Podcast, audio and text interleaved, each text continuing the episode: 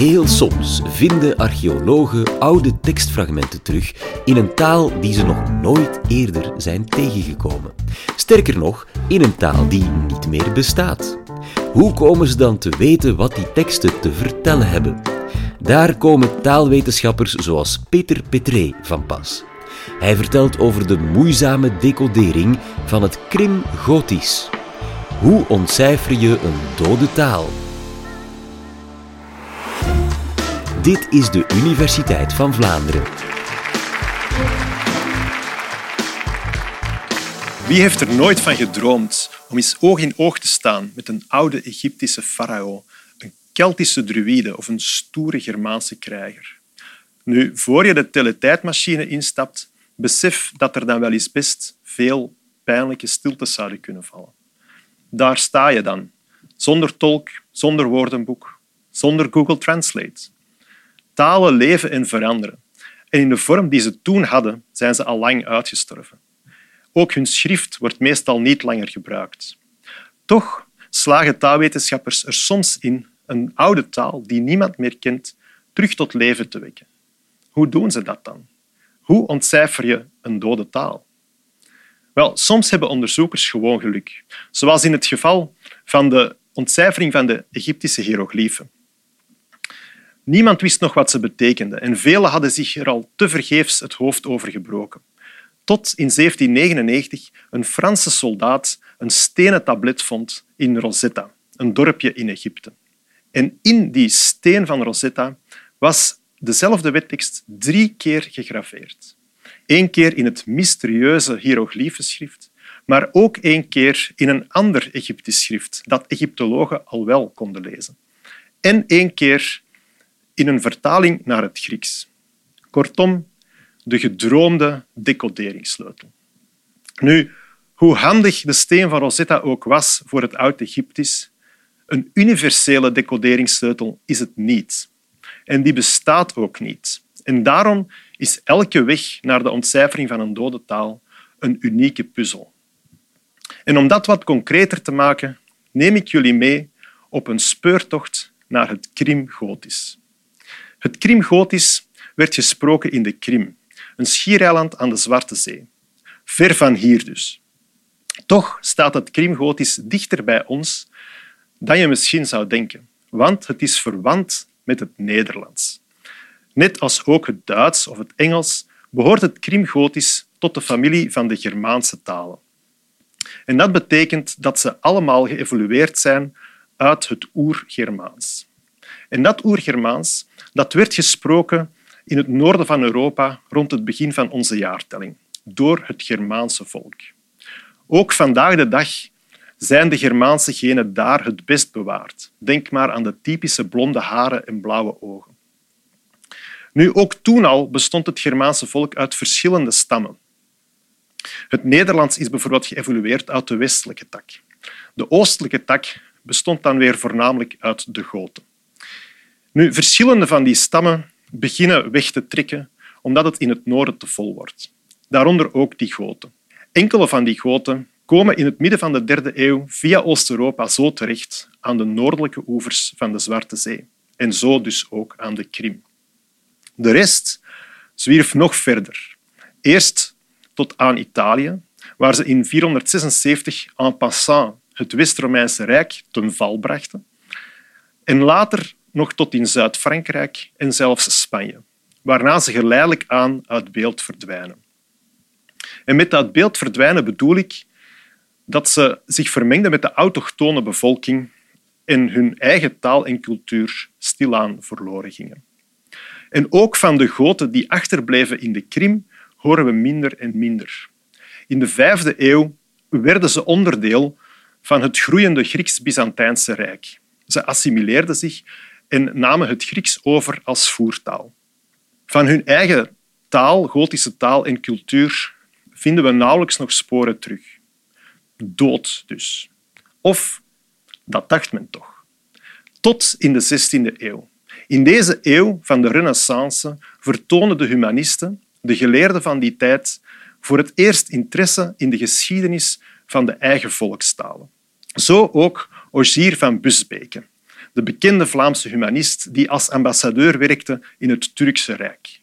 En in dat Turkse Rijk ving hij geruchten op van een volk met Germaanse looks dat in de Krim zou leven en nog zijn eigen oude taal en cultuur bewaard zou hebben. Ogiers nieuwsgierigheid was geprikkeld, maar door zijn job zat hij vast in Constantinopel, meer dan duizend kilometer verder. Toch vond hij na lang zoeken twee gezanten die uit de Krim op bezoek waren in Constantinopel. De eerste zag er helaas uit als een doordeweekse Griek. Maar de tweede kon volgens Ogier met zijn lange gestalte, blanke gelaat en blonde haren zo doorgaan voor een typische Germaan. En dus hoopte hij dat dat iemand was met Germaanse genen. Misschien wel een goot. Ogier is in de wolken en begint de zaak te onderzoeken. Hij ondervraagt de twee gezanten uit de Krim lang en grondig. Ze spreken allebei Grieks, maar kenden ook die mysterieuze Krimtaal. En na dat uitgebreide gesprek stelt hij een lijst op van een honderdtal woorden en zinnetjes in die Krimtaal waarvan hij denkt dat het een Germaanse taal is. Zo ook een lijst met telwoorden. Bijvoorbeeld ita, twa, tria, fuder, feuf, seas, zevene, atte enzovoort. Sommige hiervan, zoals ita voor één, zien er vreemd uit. Maar andere, zoals 12 voor 2 of 7 voor 7, lijken toch wel verrassend veel op tellen in het Nederlands. Fünf is dan weer waarschijnlijk een drukfout voor fünf, wat sprekend lijkt op het Duitse woord voor vijf. Oké, maar nu denken jullie misschien van Busbeke sprak met levende mensen. Dan is die taal toch niet dood? Inderdaad, in de 16e eeuw nog niet. Maar niet zo heel lang daarna verdwijnt wel degelijk elk spoor ervan. En is Van Busbekes lijst het enige wat ons rest. Dus hebben we toch nog een dode taal. Maar is die taal wel een Germaanse taal? Mag Ogier dat wel concluderen op basis van Ocharme een honderdtal woordjes en zinnetjes waarvan er ook veel niet op de gekende Germaanse talen lijken? Met andere woorden, wat hebben we eigenlijk aan Van Busbekes lijst? Het zou duren tot de 19e eeuw en de romantiek voor op deze vraag een fatsoenlijk antwoord komt. In deze tijd ontdekken geleerden dat talen niet willekeurig veranderen, maar wel volgens systematische klankverschuivingen. Deze ontdekking leidde tot een doorbraak in de taalwetenschap. Zo is bijvoorbeeld het oer-Germaanse p systematisch geëvolueerd tot een pf in het Duits. Daarom hebben we niet alleen apfel voor appel, maar vinden we ook pferd voor paard of kopf voor kop enzovoort. Door nu Van Busbekes lijst te toetsen aan onze kennis van de klankverschuivingen, werd al snel duidelijk dat er wel een en ander leek misgelopen te zijn. En dat hoeft ons niet te verbazen. Denk maar eens terug aan die twee gezanten. De ene een Griek, de andere blond met blauwe ogen. Nu, bleek dat het vooral die Griek was die het gesprek voerde. Die sprak dus Grieks en ook als hij de Krimtaal sprak, deed hij dat waarschijnlijk met een Grieks accent. Nu, Ogier die kon geen Grieks, dus maakte hij gebruik van een Turkse tolk. Maar die tolk die vertaalde niet naar het Turks, want dat kon Ogier ook niet, maar naar het Italiaans. Nadien stelde Ogier, zoals gebruikelijk was in die tijd, een verslag op in het Latijn, maar voor de Krimtaal koos hij voor de West-Vlaamse spelling van zijn moedertaal. Je kan je wel voorstellen dat met al deze tussentalen, Grieks, Italiaans, Latijn, West-Vlaams, een snuifje Duits, er veel ruis op het oorspronkelijke signaal is binnengebracht. En dat er wel eens veel fouten in zouden kunnen geslopen zijn in die lijst. Betekent dat dan dat Van Busbekes lijst compleet waardeloos is? Wel, nee. Gelukkig niet. Want dankzij diezelfde klankwetten kunnen we ook weer veel fouten die er waarschijnlijk zijn ingeslopen er terug uithalen. Zo spelt Van Busbeke het woord voor goud bijvoorbeeld als golds. Nu is het waarschijnlijker dat dit woord werd uitgesproken als golf. Dus die laatste letter dat is een th. Een th zoals ook in het Engelse free of think. Nu, Vlamingen die niet zo goed Engels kunnen, spreken zo'n woorden wel eens uit als free of think. Van Busbeke kon ook geen Engels en probeerde dan maar zo goed en kwaad als mogelijk de klank weer te geven met tse. Op dezelfde manier kunnen we er ook het Griekse accent grotendeels uithalen en een hele reeks drukfouten. En door al deze stoorzenders weg te pellen, wordt het alsmaar duidelijk dat we inderdaad te maken hebben met een Germaanse taal. Maar nu stelt zich een tweede vraag. Is die Germaanse taal de taal van de Goten, met andere woorden een oud-Gotisch dialect? Of is het misschien de taal van Duitse migranten uit een recenter verleden? Met andere woorden, een verbasterd Duits. Opnieuw komen de klankwetten ons te hulp.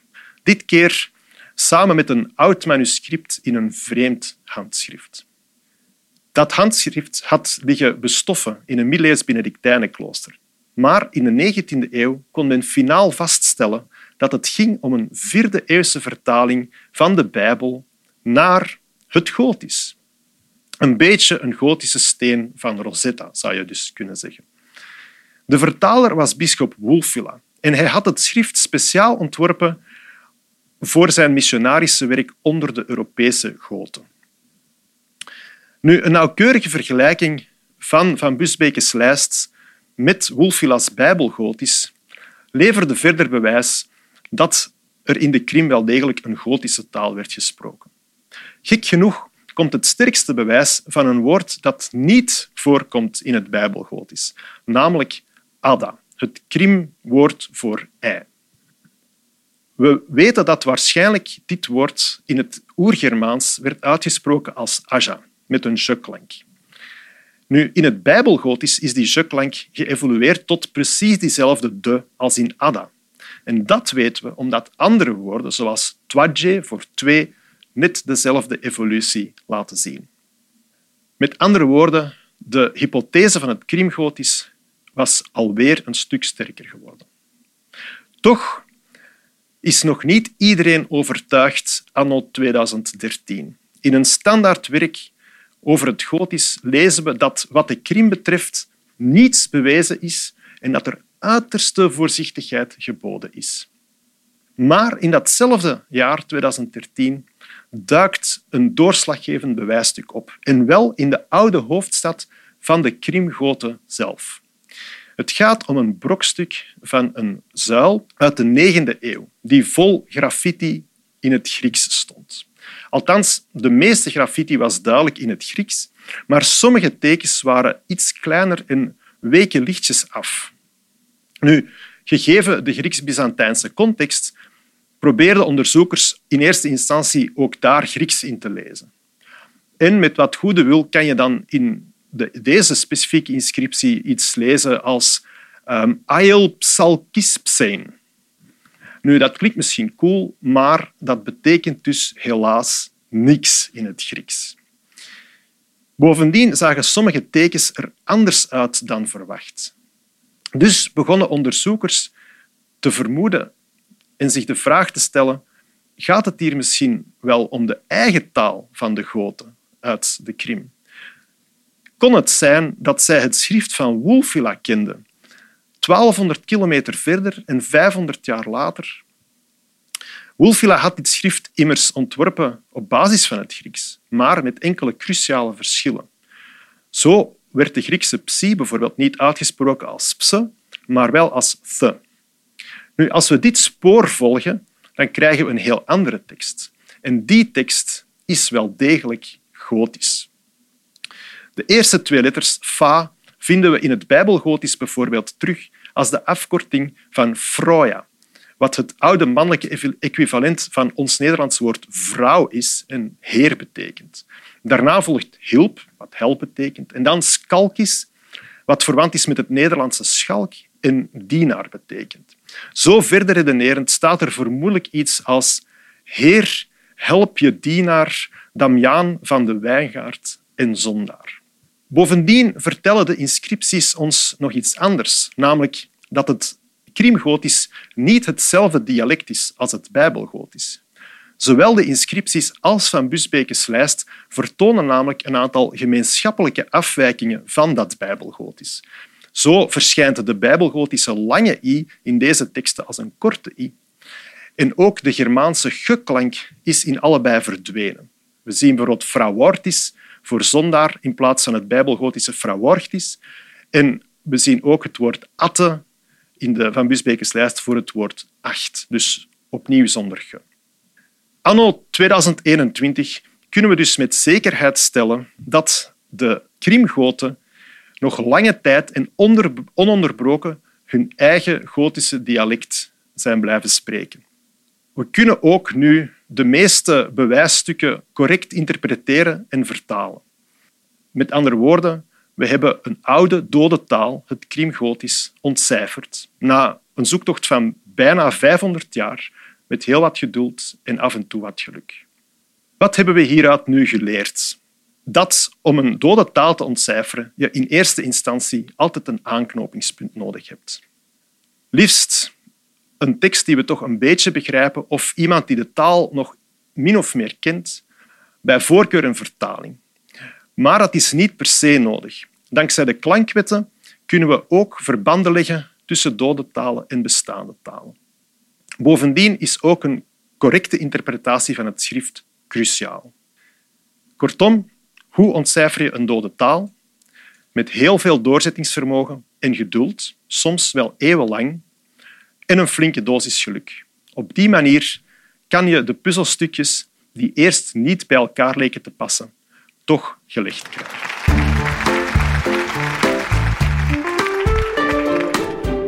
Als jij taal net zo boeiend vindt als ik, moet je zeker podcast nummer 310 beluisteren. Is het West-Vlaams ook een taal? Met dokter Raf van Rooij.